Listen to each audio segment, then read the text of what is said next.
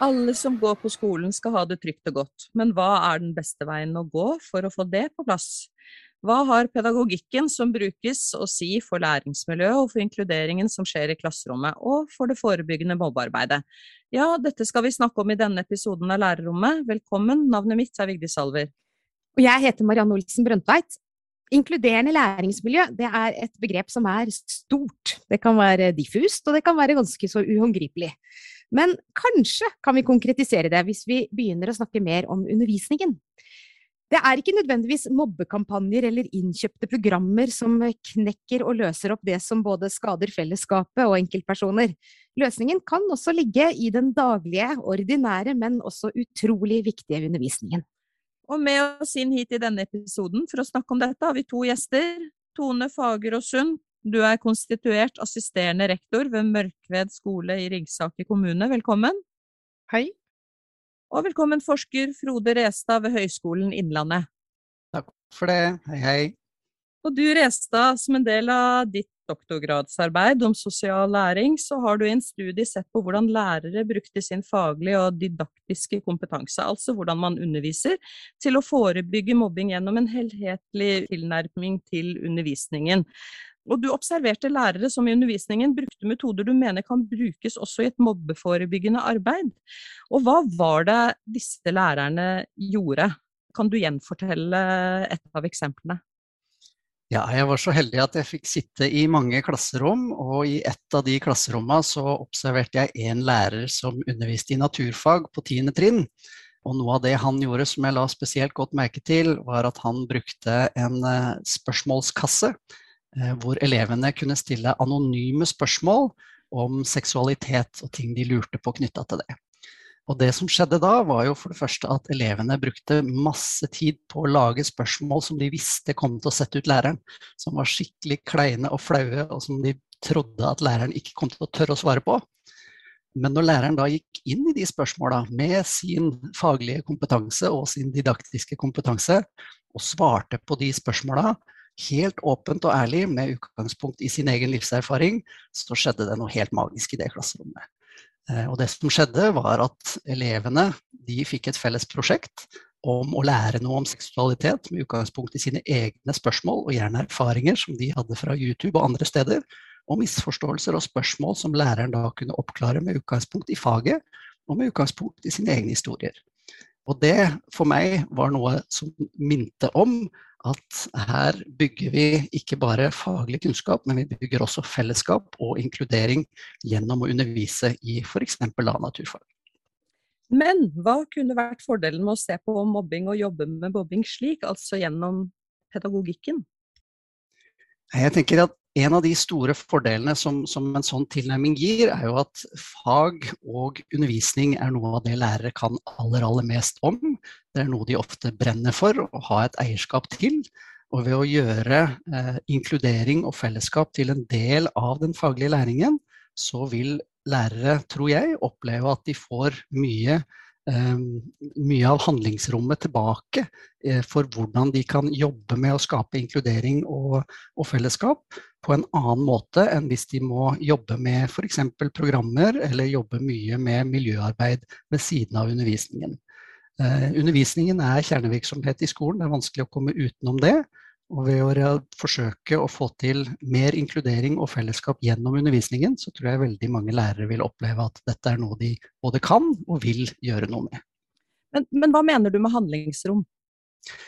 Nei, jeg, jeg, tenker jo at uh, det å forberede undervisning i skolen er en stor og viktig oppgave for lærere. Uh, i, på, på ungdomstrinnet så har man f.eks. 400 timer undervisning i norsk, og alle de timene skal forberedes.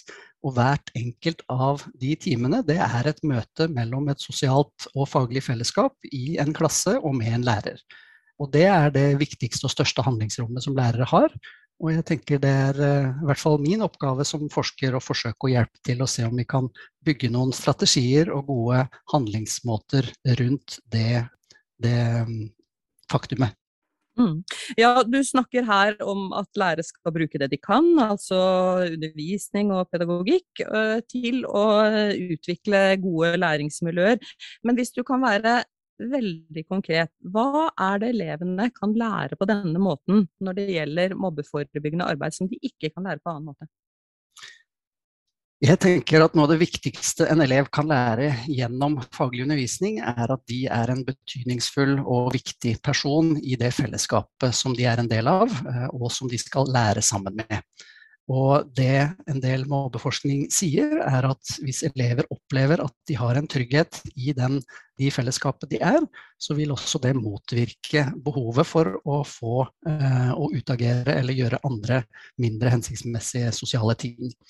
Så ved å få opplevelsen og bekreftelsen av at man er en verdig og inkludert person som har tanker og meninger som er verdifulle for klassens felles læring, så vil det være motvirkende og forebygge mobbing.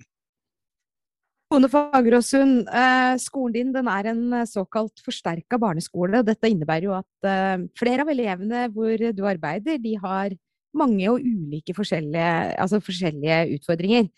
Hvilke erfaringer har du fra ditt klasserom rundt dette som vi nå snakker om? Jeg, når jeg begynte å jobbe på Mørkved skole, så erfarte jeg fort at uh, siden det var en forsterka avdeling, så hadde lærerne som jobber der en helt uh, spesiell kompetanse i å håndtere uh, barn med forskjellige typer utfordringer som, som, på en måte de da kunne spre videre til kolleger ellers på huset. Det var den ene biten. Og jeg ser jo det verdifulle i at elevene på de ulike trinna på en måte blir vant til å ha forskjellige typer Eller elever med forskjellige typer behov rundt seg. Mm. At det i seg sjøl er en berikelse for klassemiljøet. Ja, fordi Det du snakker om her, det handler jo om hva elevene opplever, og hva elevene for så vidt også har kompetanse i og inkluderer i. da. Men, men det som jeg lurer litt på da, er hva, hva, slags rolle har de voksne i å nettopp å skape denne holdningen? Nei, det er klart vi voksne vi har jo en avgjørende rolle i forhold til holdninger til uh, elevene, og at det skal være plass til alle, og at det skal være aksept for å være forskjellige i et klassefellesskap. Så, så, det, så, vi har jo en veldig viktig rolle i forhold til det, da. Mm. Hvis du skal gi en beskrivelse, da. Hvordan kan det konkret jobbes med et inkluderende læringsmiljø i klasserommet ved din skole? Først og fremst så tenker jeg at uh, man som kollegium må ha hatt dette veldig tydelig på agendaen, at man eh, jobber for at det skal være en samarbeidende kultur på skolen. Eh, og at eh, lærerne som jobber på de ulike trinna samarbeider tett i forhold til alle elever, og også de elevene som, som har utfordringer. At det er et felles ansvar hos de voksne. Mm og at man spiller eh, på hverandres kompetanser, da, slik at alle ikke nødvendigvis eh, har like god kunnskap i utgangspunktet eh, om alt, men at man deler kunnskap og erfaringer lærerne imellom. Da. Ja, for dette er jo det du har skrevet også en masteroppgave om, hvor du da så på hvordan lære arbeid med inkludering. Og du skriver jo mye om hvordan, hvor mye det betyr at lærere utnytter hverandres styrker, og også vektlegger samarbeid, som du nevner her. Kan du fortelle litt mer om dette?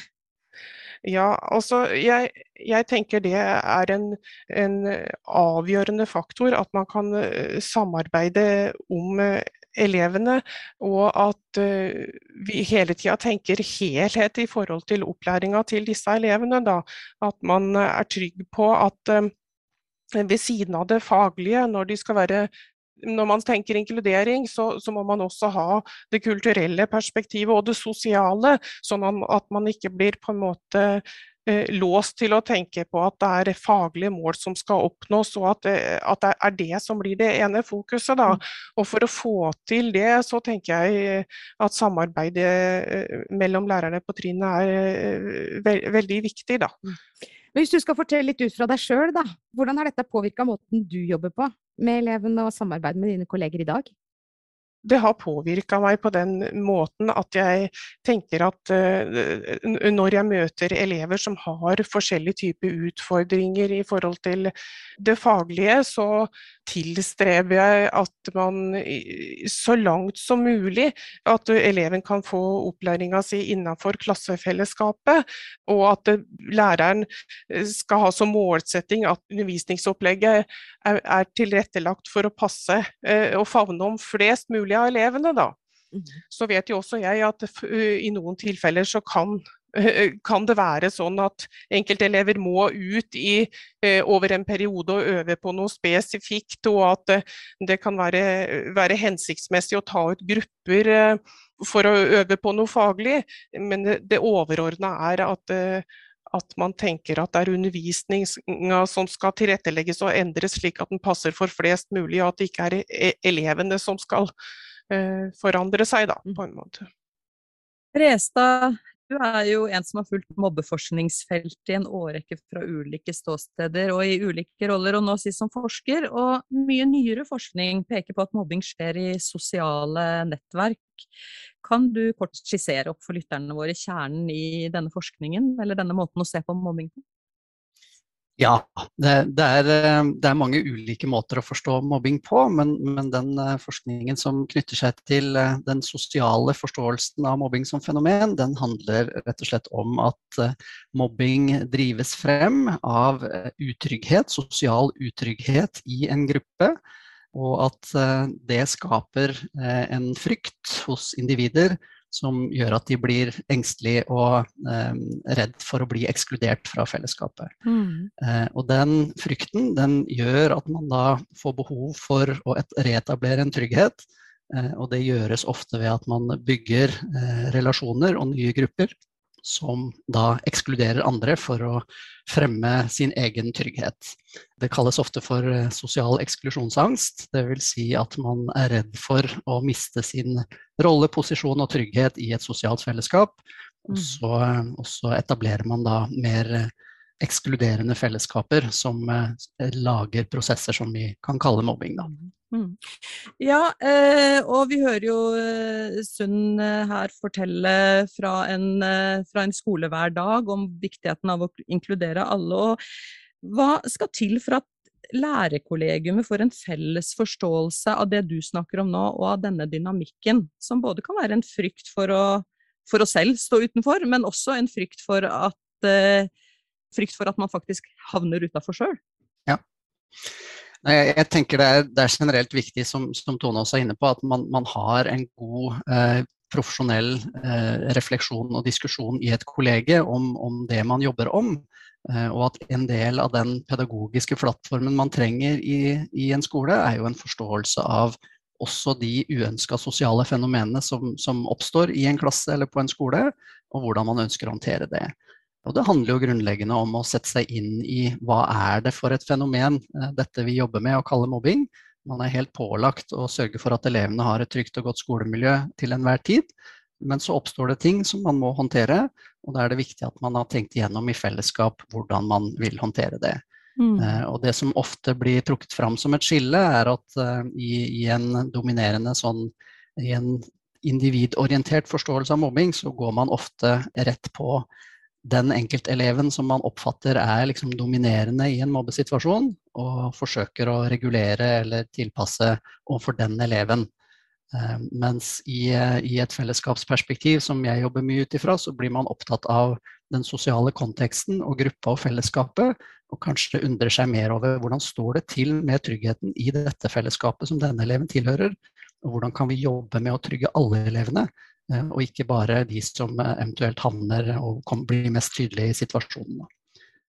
Ja, Men hvor viktig er det å få skoleledelsen sånn veldig tett hekta på dette? For det dreier seg vel om at man ikke skal skape annerledeselever i, i klasserommet på noen måte også? Ja. Nei, jeg tenker jo som, som Tone sier at det, det, er veldig viktig at man har eh, et, et, grunnsyn på elever. Da, om at man, man, ikke er ute etter å fikse elever, men man er ute etter å legge til rette for at elever kan mestre og utvikle seg positivt i skolen.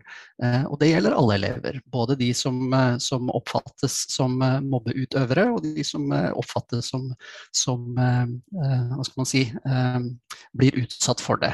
Mm. Eh, men, men grunnleggende så tenker jeg at handler om å ha et tydelig og godt elevsyn og et tydelig og godt eh, pedagogisk syn på hvordan man ønsker å jobbe med de sosiale eh, utfordringene som, som barn og unge opplever. Mm. Uh, utgangspunktet i din forskning som du fortalte om var jo i klasserommet. og Hvor viktig er det å ta utgangspunkt i det som er den formelle tilhørigheten, altså klassen, når man skal snakke om inkludering og bygge fellesskap? Ja, jeg tenker jo ofte at man tar litt fellesskapene for gitt, eh, og at det er noe vi trenger å jobbe mer med. Eh, og eh, jeg liker jo veldig godt denne distinksjonen som, som, Eriksen og Lyng gjør mellom det, det gyldige vi-et og det formelle vi-et. For klassen er jo ofte noe man som elev blir plassert inn i og har begrensa mulighet til å påvirke. Mens de fellesskapene som elevene velger å bli en del av og ønsker å slutte seg til, det er det vi ofte kan kalle da for gyldige vi. Eh, og lærerens prosjekt er jo på en måte å etablere klassen som et gyldig vi, der alle elevene i klassen kan oppleve at de er en del av det, og faktisk ønsker å slutte seg til det, og opplever at de vil være med og utvikle det og finne mening og mestring i det fellesskapet. Så ofte så kan man oppleve som lærer at det er mange fellesskaper som man ikke helt ser, og det er uforløst, og det kan være tilløp til konflikter. Og da tenker jeg ofte at da handler det om at man må forsterke det store, gyldige vi-et, som gjør at man opplever at det er trygghet, og her kan jeg være og være meg selv eh, i klassen som helhet. Sunn, hvis vi kan få noen eksempler fra hverdagen ved Mørkved skole. Har du noen historier eller eksempler på hvordan dere har arbeida med inkludering i praksis hos eh, dere? Jeg tenker at eh, for at alle skal føle at de har tilhørighet eh, i et klassefellesskap, så er det en del grep vi som lærere kan gjøre. Det kan f.eks. være i forhold til fremmedspråklige elever. Mm. At man er veldig bevisst på at man ser på det at de har en annen kultur eh, og eh, et annet språk, at det er en berikelse for klassefellesskapet. Og at man f.eks. kan eh, trekke inn morsmål til disse elevene, slik at å bruke eksempler og sammenligne norsk og morsmålet til disse elevene for større språklig bevissthet. Mm. Og det kan være at man er veldig, når man eh, planlegger undervisninga, eh, er veldig bevisst på hva slags utfordring kan disse elevene ha i forhold til begreper. Og, det gjelder jo både om det er sosialt eller faglig, at man eh, kan forberede disse elevene godt, mm. slik at de føler at de har noe å komme med. Da. Mm. Det har noe med trygghet og identitet hos elevene å gjøre. Så så det kan være med på å gjøre at de føler at de hører mer til, da. Mm. Ja, Resta, du nikker og smiler her. Ja, jeg tenker det, det, Tone sier der er kjempeviktig, og det er også noe jeg har sett veldig tydelig. Og, og de lærerne jeg har studert, er at de er veldig flinke til å bringe elevenes egen livsverden og erfaring inn i undervisningen i fag. Mm. Og gjør den deres, eh, elevenes spørsmål, elevenes tidligere erfaringer, deres ressurser, enten språk eller kulturelt, som viktige og gyldige deler av undervisningen. Og det, det tror jeg er noe sånn, sånn grunnleggende her, da, at man anerkjenner at alle elever har noe å bringe inn i et læringsfellesskap, og at lærere er bevisst på å tydeliggjøre det, sånn at elevene kan komme ut av det med en opplevelse av at de har noe å bidra med. De er mm. verdifulle og viktige, og de opplever mestring og, og får en anerkjennelse gjennom det. Mm. Og den, den, opplevelsen av anerkjennelse og mestring tror jeg de tar med seg også utenfor klasserommet og inn i andre sosiale situasjoner, være seg på skolen eller på fritiden. Fordi det handler veldig mye om å få bekrefta en identitet og et selvbilde, og at man opplever at den man er, er en god person, og man kan være trygg og stolt i det i andre sammenhenger. Mm. Eh, men Sunn, hvis vi skal snakke litt om struktur og organisering av skoledagen og det praktiske rundt dette, eh, hva har det å si da at eh, eller hvilke utfordringer møter man f.eks. med såkalte trinnmodeller, hvor det kan være skiftende grupper, eh, med flytende grupper som kan endre seg faktisk flere ganger i løpet av en dag. Hvordan tenker dere rundt dette hos dere?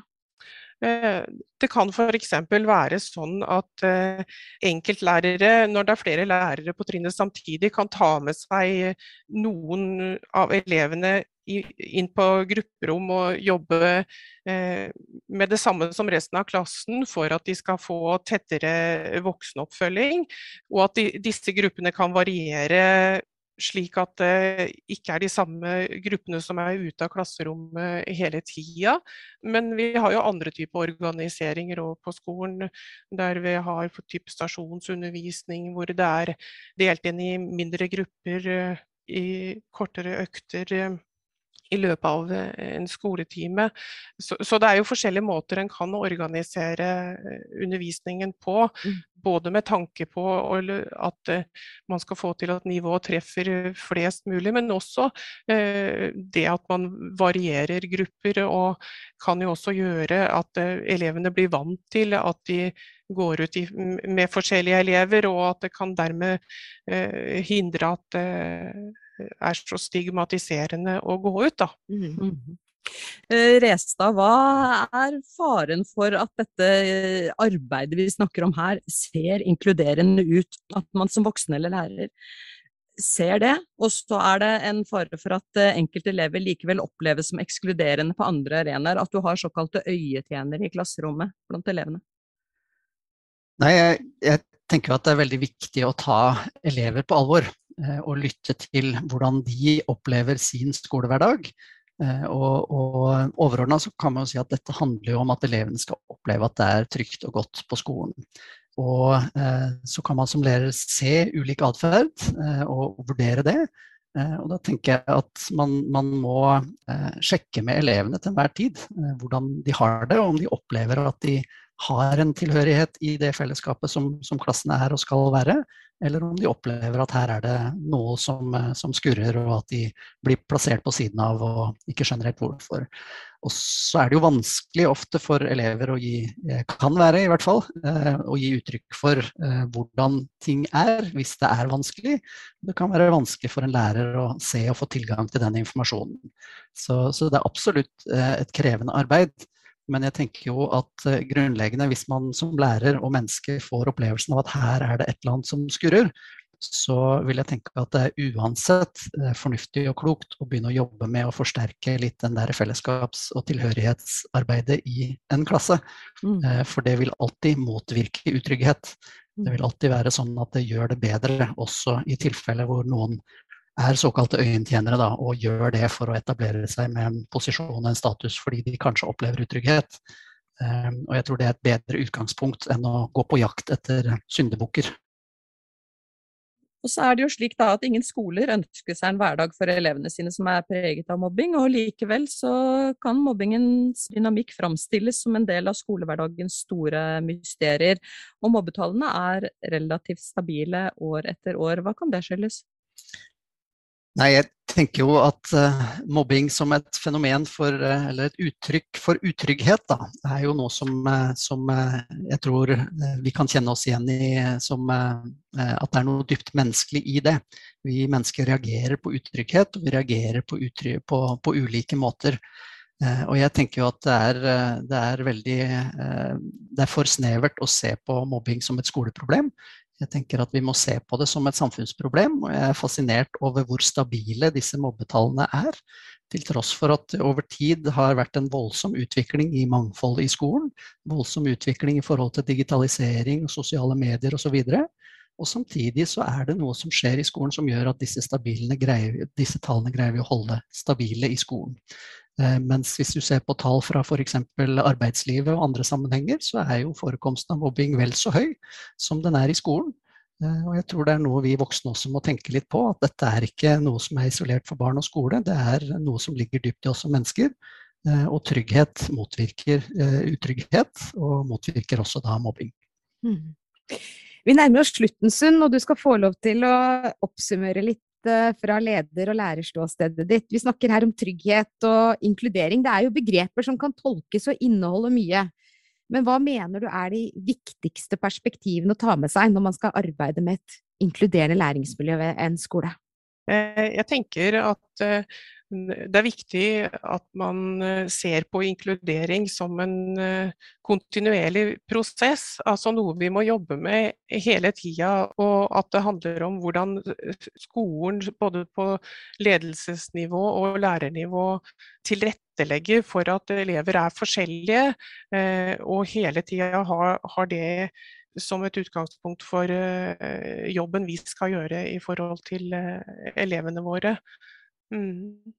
Ja, med perspektivet på tilrettelegging for uh, ulike elever på alle nivåer, så avrunder vi denne episoden av Lærerrommet. Og vi sier tusen takk til Tone Fageråsund og Frode Restad for at dere var gjestene våre her. Tusen, tusen takk også til alle dere som lytter på Lærerrommet. Vi er snart tilbake med et nytt tema henta fra utdanningsfeltet. Inntil da, så finn fram tidligere episoder, og del videre med alle du kjenner. Nå sier vi ha det riktig bra. Ha det! Ha det!